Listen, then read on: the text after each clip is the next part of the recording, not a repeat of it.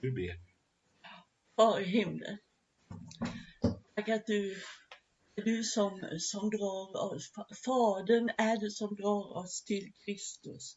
Och vi tackar dig, Far i himlen, att du drar människor till ditt eget hjärta genom din son Jesus Kristus. Tack att du är verksam här och nu. Du, du vill verkligen möta människor. Vi tackar dig för den här undervisningen som, som du ger oss idag. Amen. Amen.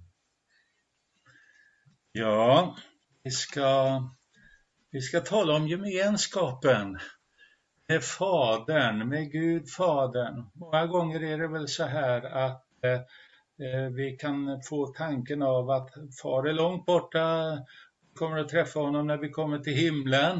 Eh, och det är ju säkert att vi kommer att göra det om vi har tagit emot hans kärleksgåva till oss, Jesus. Eh, men vi glömmer att han, han är, hos Gud finns inte tid och rum. Så han är också närvarande. Här i honom är det som vi lever och rör oss och är till, säger faktiskt Paulus Maria Areopagen. Och när vi tar emot Jesus är det faktiskt så här att det inte bara Jesus som vi tar emot utan Fadern flyttar också med. Samtidigt som Jesus och Fadern är inte samma person, men det är samma Gud. Ja, vi ska titta lite på det här. Och eh, jag måste väl säga att det här med Gud och Fadern är en hjärteangelägenhet. Det handlar faktiskt om en hjärtegemenskap först av allt. Att vi hittar Guds hjärta eh, och, och eh, förstår hur fantastiskt mycket han älskar oss. Obegripligt. Eh, det är ju så här att eh, du och jag, vi kan söka Guds händer, vi kan söka hans ansikte, men vi kan också söka hans hjärta. Och där, vid hans hjärta, när vi får når fram dit, där kommer vi att se hur intensivt han längtar efter dig och mig och hur stor hans kärlek är till dig och mig. Det är faktiskt det roligaste Gud vet, det är att vi kommer till honom och umgås med honom. I Jesu namn, självklart, utan Jesus har vi ingen väg dit. Men Jesus är vägen ända fram till Fadern. Ja. Eh, I Johannes evangelium så står det så här, och det här är det sista Jesus säger i, i sin översteprästliga förbön när han har det här samtalet med Fadern. Så säger han så här att detta är det eviga livet. Att de känner dig, den enda sanne guden och den som du har sänt, Jesus Kristus. Jag har förhärligat dig på jorden genom att fullborda det verk som du gav mig att utföra. Det här är, det tog lång tid innan jag riktigt fattade det här, men mitt kristenliv och ditt liv med Gud, det är faktiskt att Gud har öppnat vägen så att du och jag ska kunna leva i en relation med honom, så att vi kan lära känna honom. Också leva i en relation med Jesus, så att vi lär känna Jesus. Men inte bara Jesus-sidan, frälsaresidan, utan att vi också känner Kristus-dimensionen som Jesus Kristus finns i nu och som har förmedlats till oss genom den heliga Ande. Det är samma person, men det är två olika dimensioner och det här är väldigt eh, intressant. Eh, sam, samtidigt är det så här att det är faktiskt Fadern som uppenbarade för Petrus att det var Jesus som var denne Kristus eller denne Messias. Messias är ju hebreiska och Kristus är grekiska. Att utan Faderns uppenbarelse och gemenskapen med Fadern genom Anden så, så får vi inte tag på det där. Vi kan inte tänka ut det här själv. Det är för bra. Ja, innan vi går in i, i, undervisningen ännu mer så ska Lena få läsa en av sina dikter som handlar om gemenskapen med far. Det är ju så här att Lena har tillbringat så mycket tid på nätterna tillsammans med Gud och det som, som har då blivit till dikter och dagböcker och det, vi har samlat ihop lite utav det för att eh, välsigna andra. Nu Lena. Halleluja. Ja. Läsa en dikt som jag skrivit, Gemenskapen med Fadern. Dra dig in i gemenskapen med mig. Jag har så mycket jag vill förklara för dig. Jag har mycket på mitt hjärta. Jag älskar dig. Du är mycket dyrbar för mig. Min älsklingsdotter, kom, sitt här. Jag har berett plats för dig, här nära intill mig. Vi ska vara mycket tillsammans, du och jag. Och eh, vi ska titta lite vad det är för mål som vi har egentligen för, i, med vårt kristna liv. Och det är att eh, faktiskt att vi lär känna Fadern och Sonen, Jesus Kristus, genom gemenskapen i den heliga Ande. Därför det är så viktigt med den heliga Ande. Det är inte bara viktigt att man, man blir född på nytt av Anden utan, och blir döpt till den heliga Ande, utan att man låter Anden få vara den där privatläraren som vi faktiskt behöver för att förstå hurdan eh, livet med Gud är. Människor, de, eh, alltså varför ska vi veta det? För att människor ska kunna smaka och se att Herren är god i våra liv. Genom ordet och tid tillsammans med Gud och samtalet med Fadern eller pappa och genom samarbetet med Jesus och genom lyssnandet och lydandet till Andens maning den gemenskapen som Gud egentligen vill ha med, med hela sin familj. Jag, jag brukar ha bilden på treenigheten som en familj. En, en mycket simpel och enkel men eh, lättförståelig bild. Att vi är tillsammans med både Fadern och Sonen och Anden. Och det är samma, fortfarande en och samma familj. Vi ska titta lite på det här med vilken gemenskap Gud hade med människor i gamla förbundet, i gamla testamentet. Det är ju så här att eh, det var den enda bibel som Jesus hade. Den bibeln gäller fortfarande för dig och mig också. Det är bara det att lagen, den har spikats upp på korset och så lever vi i nåd och barmhärtighet idag istället tillsammans med pappa. Ja, när man läser gamla testamentet eh, så står det ju ofta Herren, Herren, Herren. Och när det står Herren med bara versaler, alltså stora bokstäver, då är grundtextordet, då, då är det det som heter, eh, som vi brukar kalla för Javé eller Jehova. Egentligen är det JHVH Eh, och eh, det var en broder, han berättade att egentligen om du inte har några vokaler, ja och du ska säga JHVH, då blir det ju som en ut och inandning.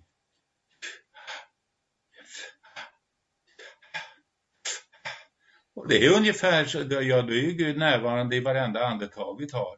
Och jag tror att det ligger väldigt mycket ärlighet och sanning i det där det gäller Adam och Eva, det var ju där Gud började, så är ju det Guds avbild. Tillsammans är de Guds avbild.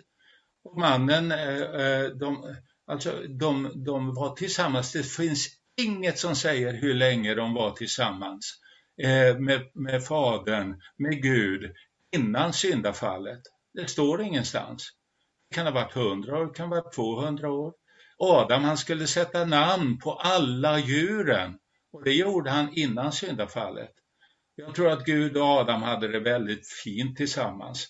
Han kommer och dragande med en stor elefant och så tänker han jag undrar vad Adam kommer att kalla det här. Eller ett får, eller ett lejon, eller en eh, kolibri.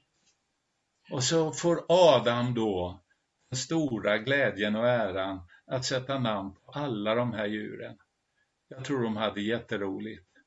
Tänk vilka vackra färger och, och vilka vackra djur och vilka dimensioner som det egentligen handlar om. Sen kom ju det här med syndafallet. Gud hade sagt till Adam att när du äter av kunskapens träd, på gott och ont, så ska du dö, dö egentligen. Döden dö, men det står dö, dö. Och död det är skilsmässa. I samma ögonblick som Adam åt utav frukten, Eva också, men eh, Adam han var med Eva, eh, han stod hos henne hon gav av frukten till mannen som var med henne. Så han, han var inte i andra änden av Edens lustgård och klappade rådjur eller någonting sånt där. Nej, han var med och det var Gud som hade sagt till mannen att han inte skulle äta. Han hade sagt det till Eva också. Men eh, då dog de direkt, de tappade gemenskapen, relationen med Fadern. Därför när Gud kommer efter syndafallet så har han tappat, han har inte den andliga relationen längre. Därför så frågar Gud Adam, var är du? Och eh, ja, då skyllde Adam på Eva och Eva skyllde på ormen. Men det dramatiska hade hänt. Den gemenskap som Fadern hade med människan hade blivit bruten på grund av syndafallet.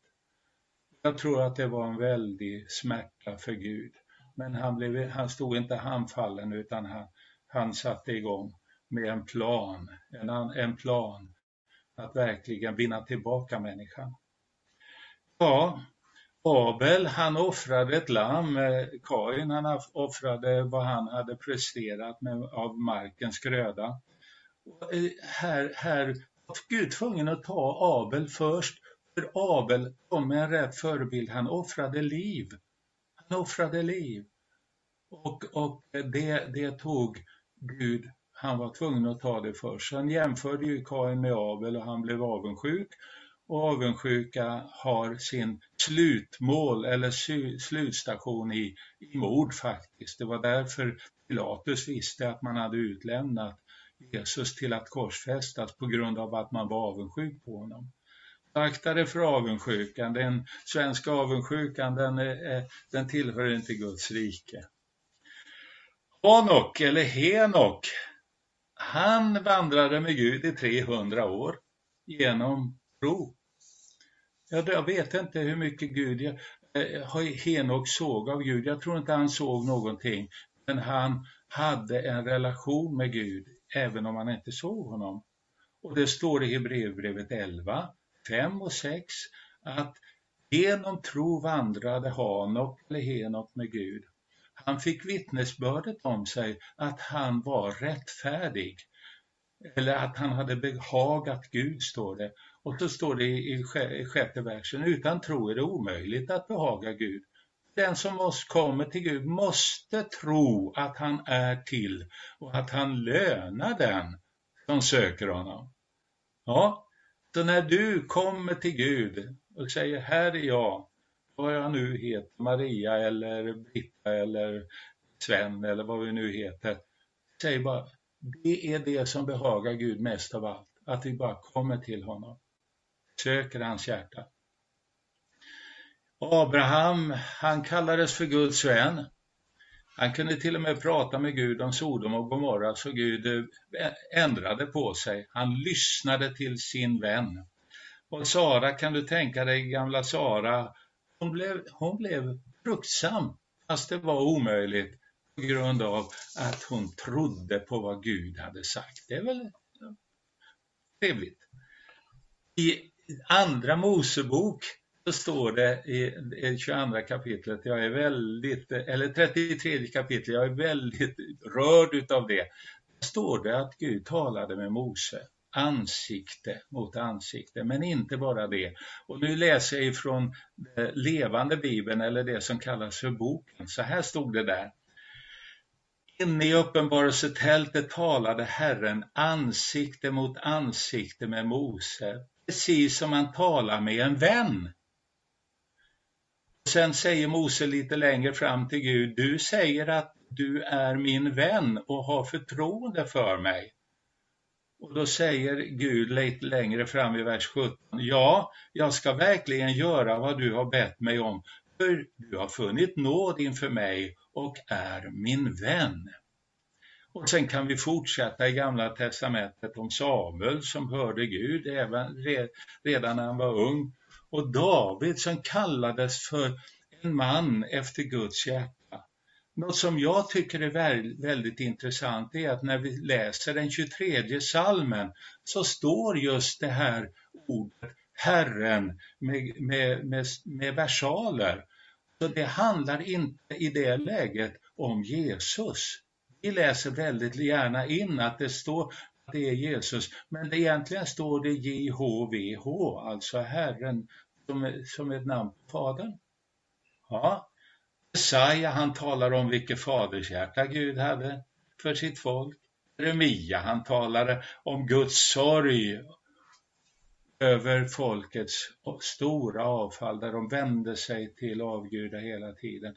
Jag läste Jeremia för inte så länge sedan och jag kände Guds nöd i sitt hjärta när, när, när hans folk som han hade utvalt hela tiden vände sig bort ifrån honom. Men han förkastade dem inte.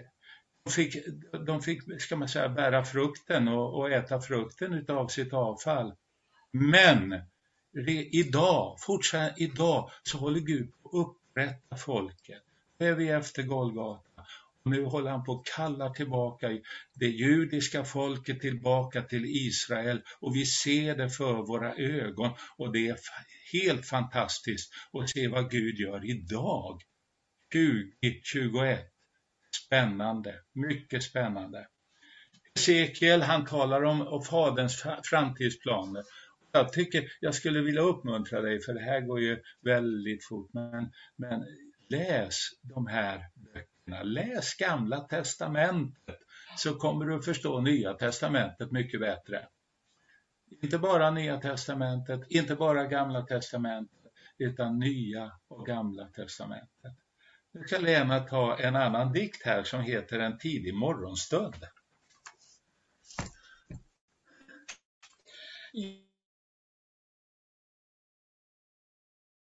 satt och tänkte det här och så säger Gud, eh, skriv ner det du sitter och tänker på hade faktiskt eh, papper och penna i handen eh, så att eh, jag kunde sätta igång och jag skrev ner det jag hade suttit och tänkt på. Och det blev det här, det var det här. Jag tänker på den heliga Ande och på änglarna som stiger upp och stiger ner.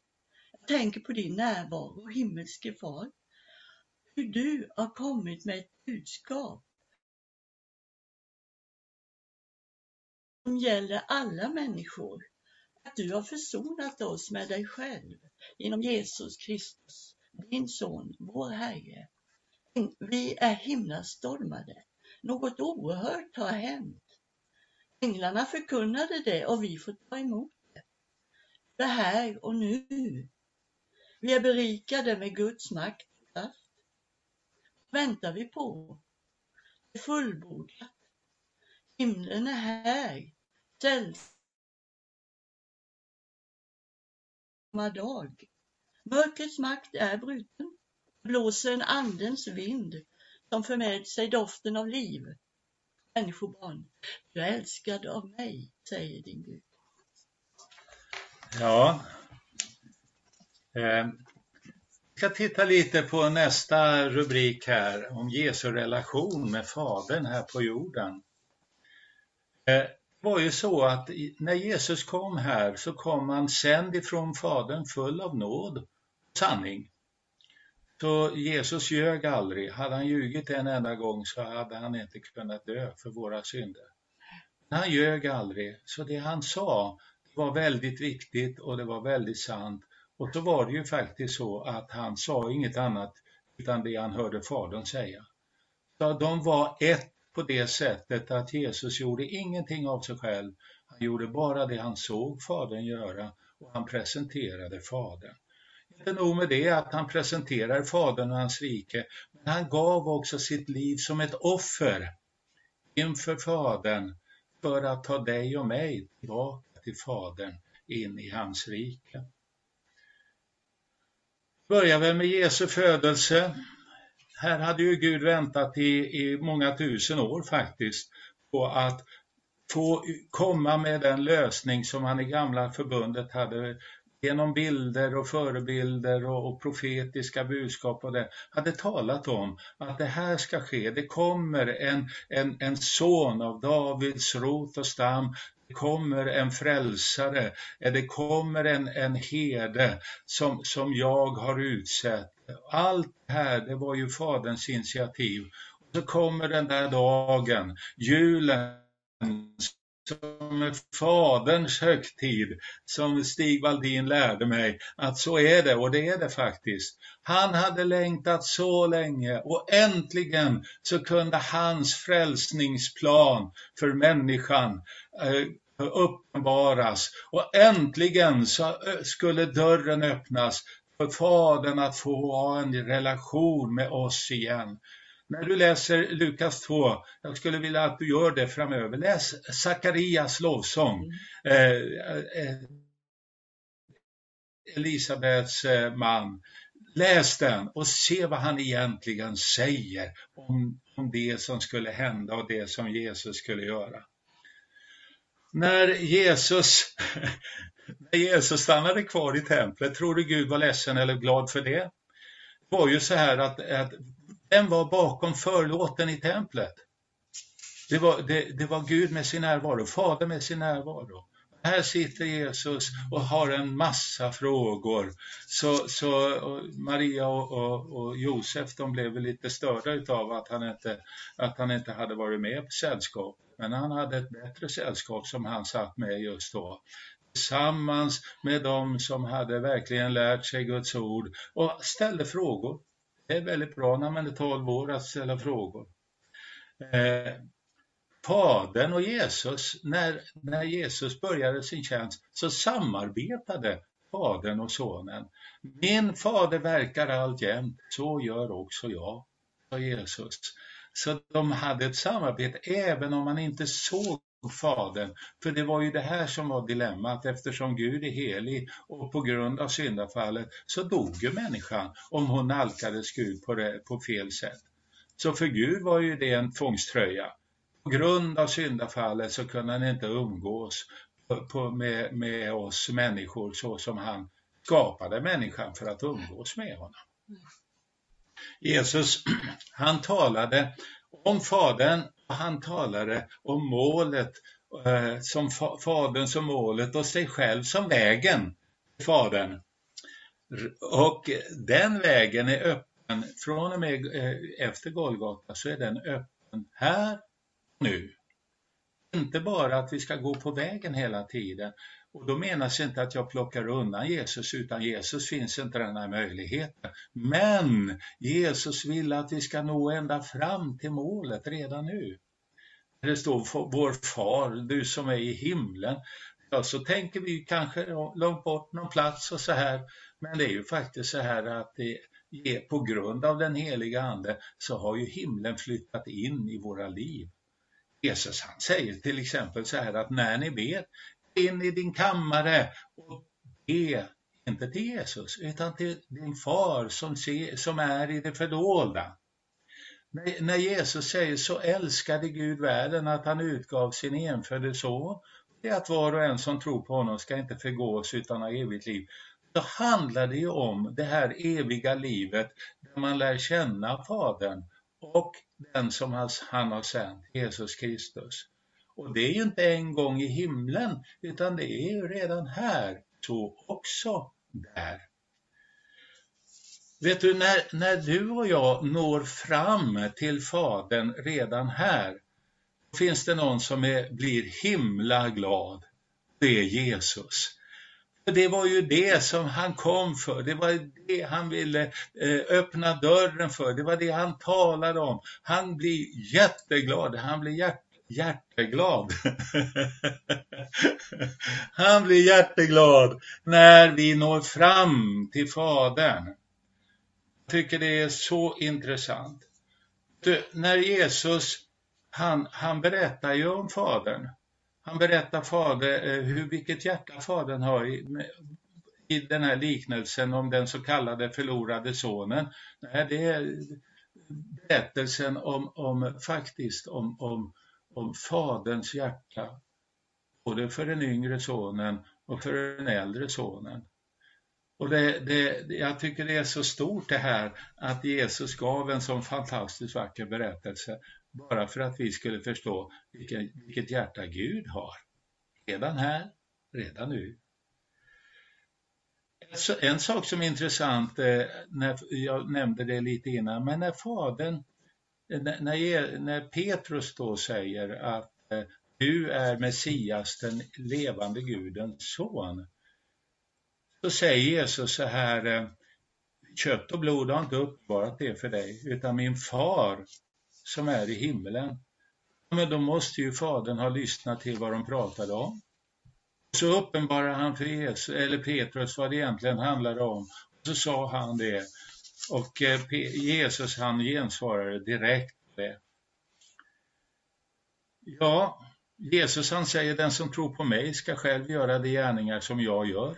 Som Jesus umgicks med Fadern här på jorden så kan du och jag, och ska du och jag, umgås med Fadern här på jorden. Ska vi plocka undan Jesus då? Nej, absolut inte. Vi ska inte plocka undan Jesus, eh, vi ska inte plocka undan anden, utan allt, hela gudomen ska vi lära känna.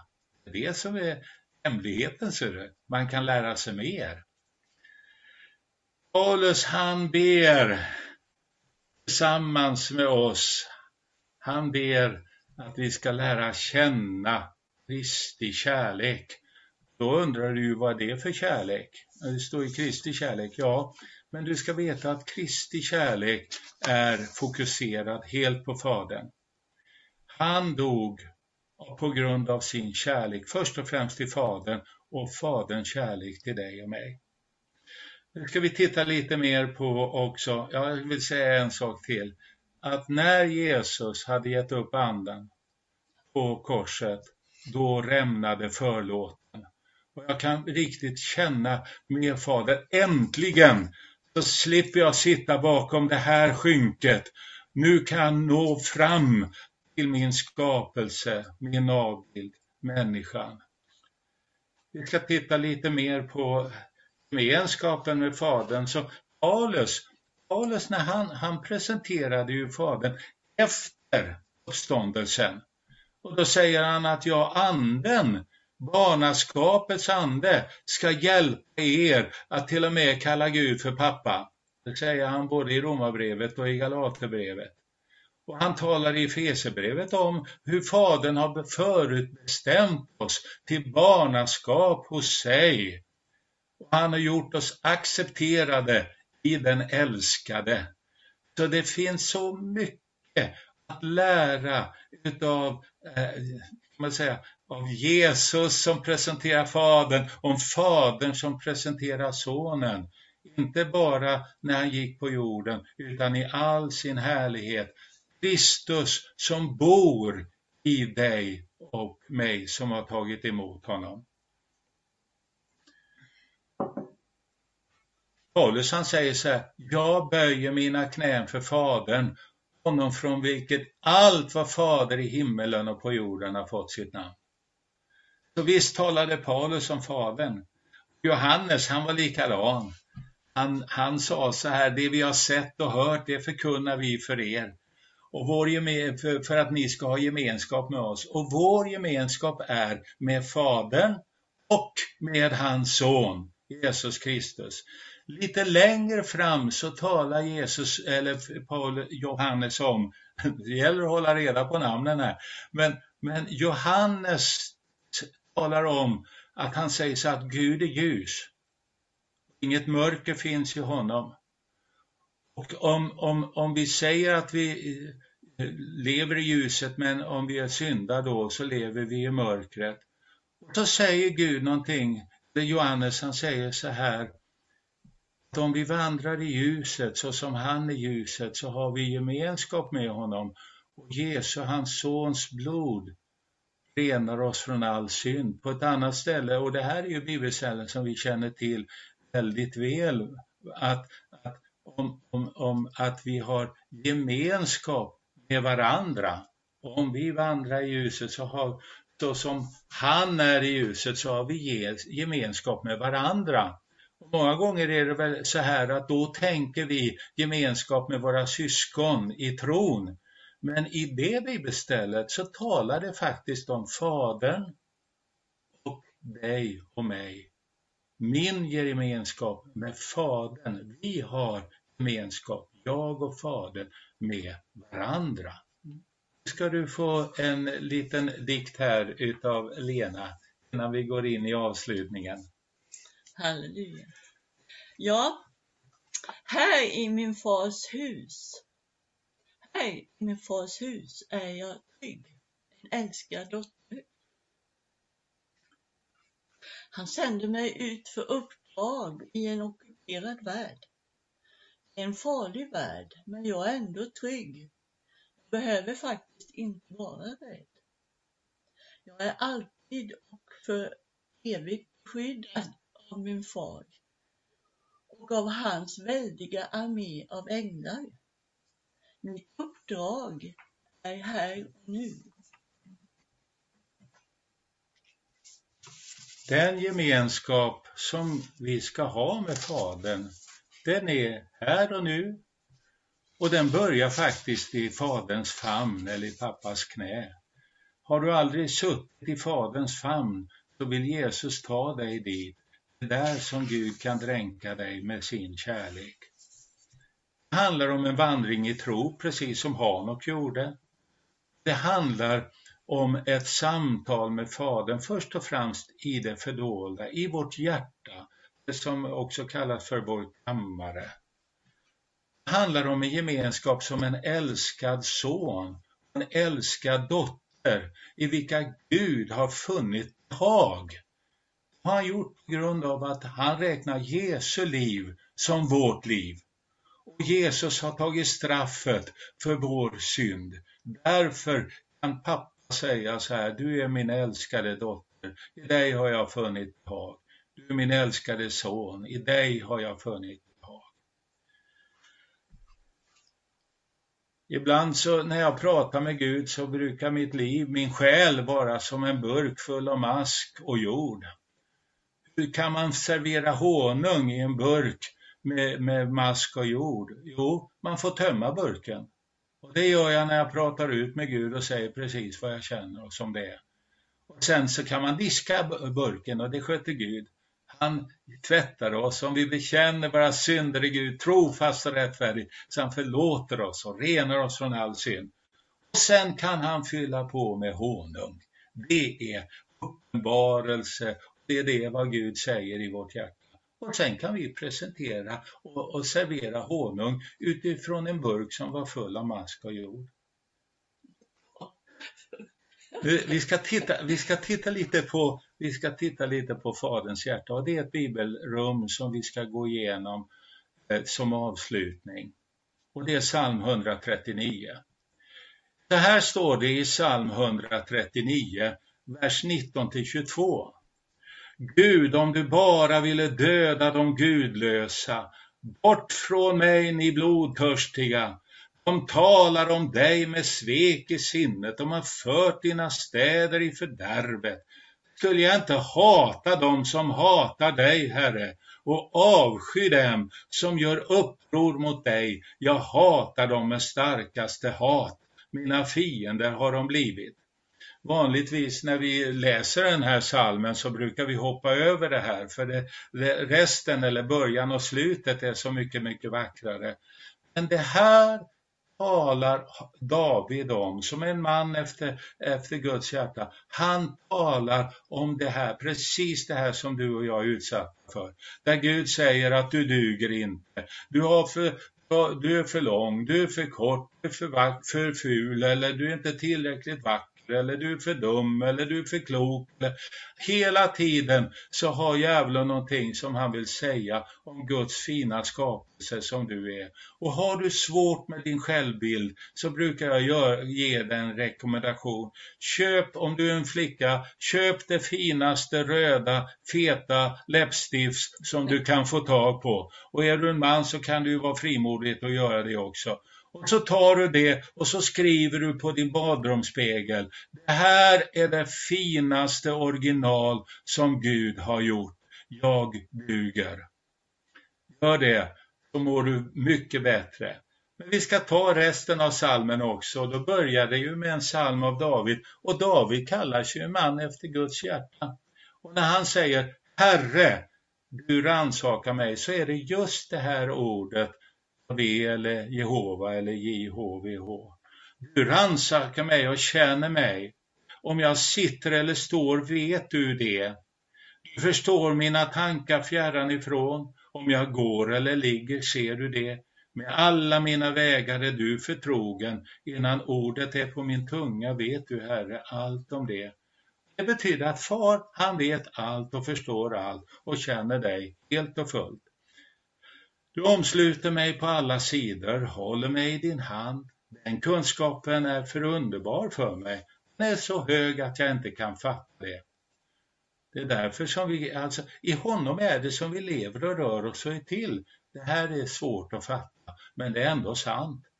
Ska jag gå för din ande? Ska jag fly för ditt ansikte? Stiger jag upp i himlen, är du där? Bäddar jag åt mig i dödsriket, är du där? Gör jag morgonrodnaden svingar, gör jag mig en boning ytterst i havet, ska också där din hand leda mig och din högra hand hålla mig. Säger jag, låt mörker täcka mig och ljuset bli natt omkring mig, så är inte mörkret mörk för dig. Natten lyser som dagen, mörkret som ljuset. Så det är ingen idé att du försöker att gömma dig eller jag försöker gömma mig för Gud. Han, han är överallt. Du kan inte det. Bättre att komma till honom som du är. Du har skapat mina njurar, du vävde mig i moderlivet. Jag tackar dig för att jag är så underbart skapat, underbara i dina verk. Min själ vet det så väl. Benen i min kropp var inte osynliga för dig när jag formades i det fördolda, när jag bildades i jordens djup. Dina ögon såg mig när jag bara var ett foster. Och därför ska du veta att när Gud, när, när, när Gud skapar ett barn så ser han det redan från, från, från eh, befruktningsögonblicket. Han skriver ner alla dagar i det här barnets bok. Alla mina dagar. Alltså, Gud gör aldrig några kopior, han gör bara original. Det tycker jag är en helt underbar tanke. Alla mina dagar blev skrivna i din bok, formade innan någon av dem hade kommit. Hur ofattbara är inte dina tankar för mig, Gud? Hur väldig är inte deras mångfald?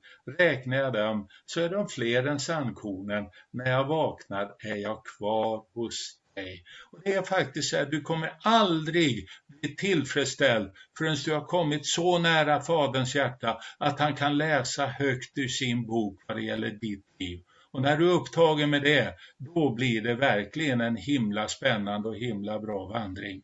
Också här på jorden, där allt, hela världen är lider betryck. Men med pappa, där sitter vi under, under en allsmäktige skugga. Och så slutar den här salmen. Hur ofattbara är inte dina tankar för mig, Gud? Hur väldiga är inte deras mångfald? Räknar jag dem är de fler än sandkornen. När jag vaknar är jag kvar hos dig. Ransaka mig Gud och känn mitt hjärta. Pröva mig och känn mina tankar. Se om jag är på en olycksväg och led mig på den eviga vägen. Och Gud kallar dig och mig till sitt hjärta idag. Nu ska jag sjunga en, en sång som avslutning som, som heter Ge inte upp innan dess så ber jag Lena att hon ska be. Ja. Eh, far i himlen, vi tackar dig för att du är så nära. Att vi mm. får lära känna dig. Halleluja, tack att du är här. Amen. Amen.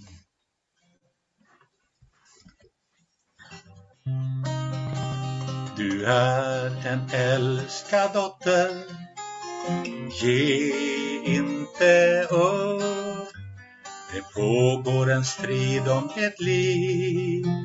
Men ge inte upp. Ge inte upp. Utan ta upp striden. Många håller på att falla. Många har gett upp, men ge inte upp.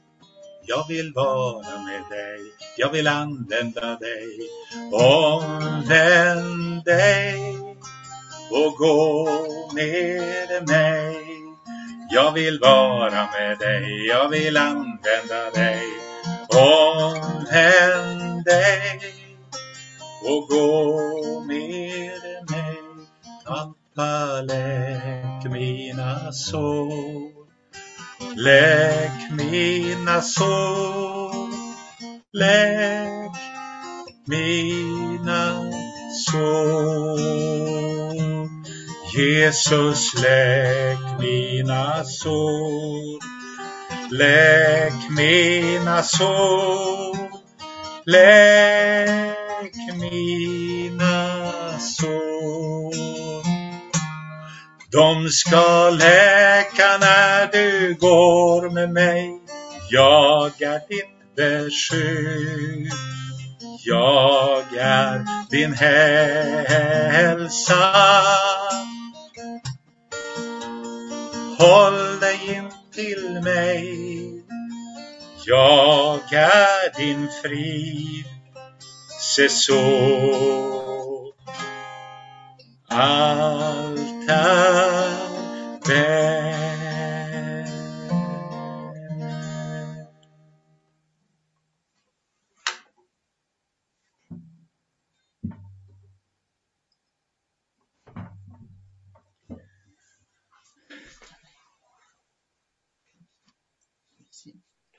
Tack så mycket Paul.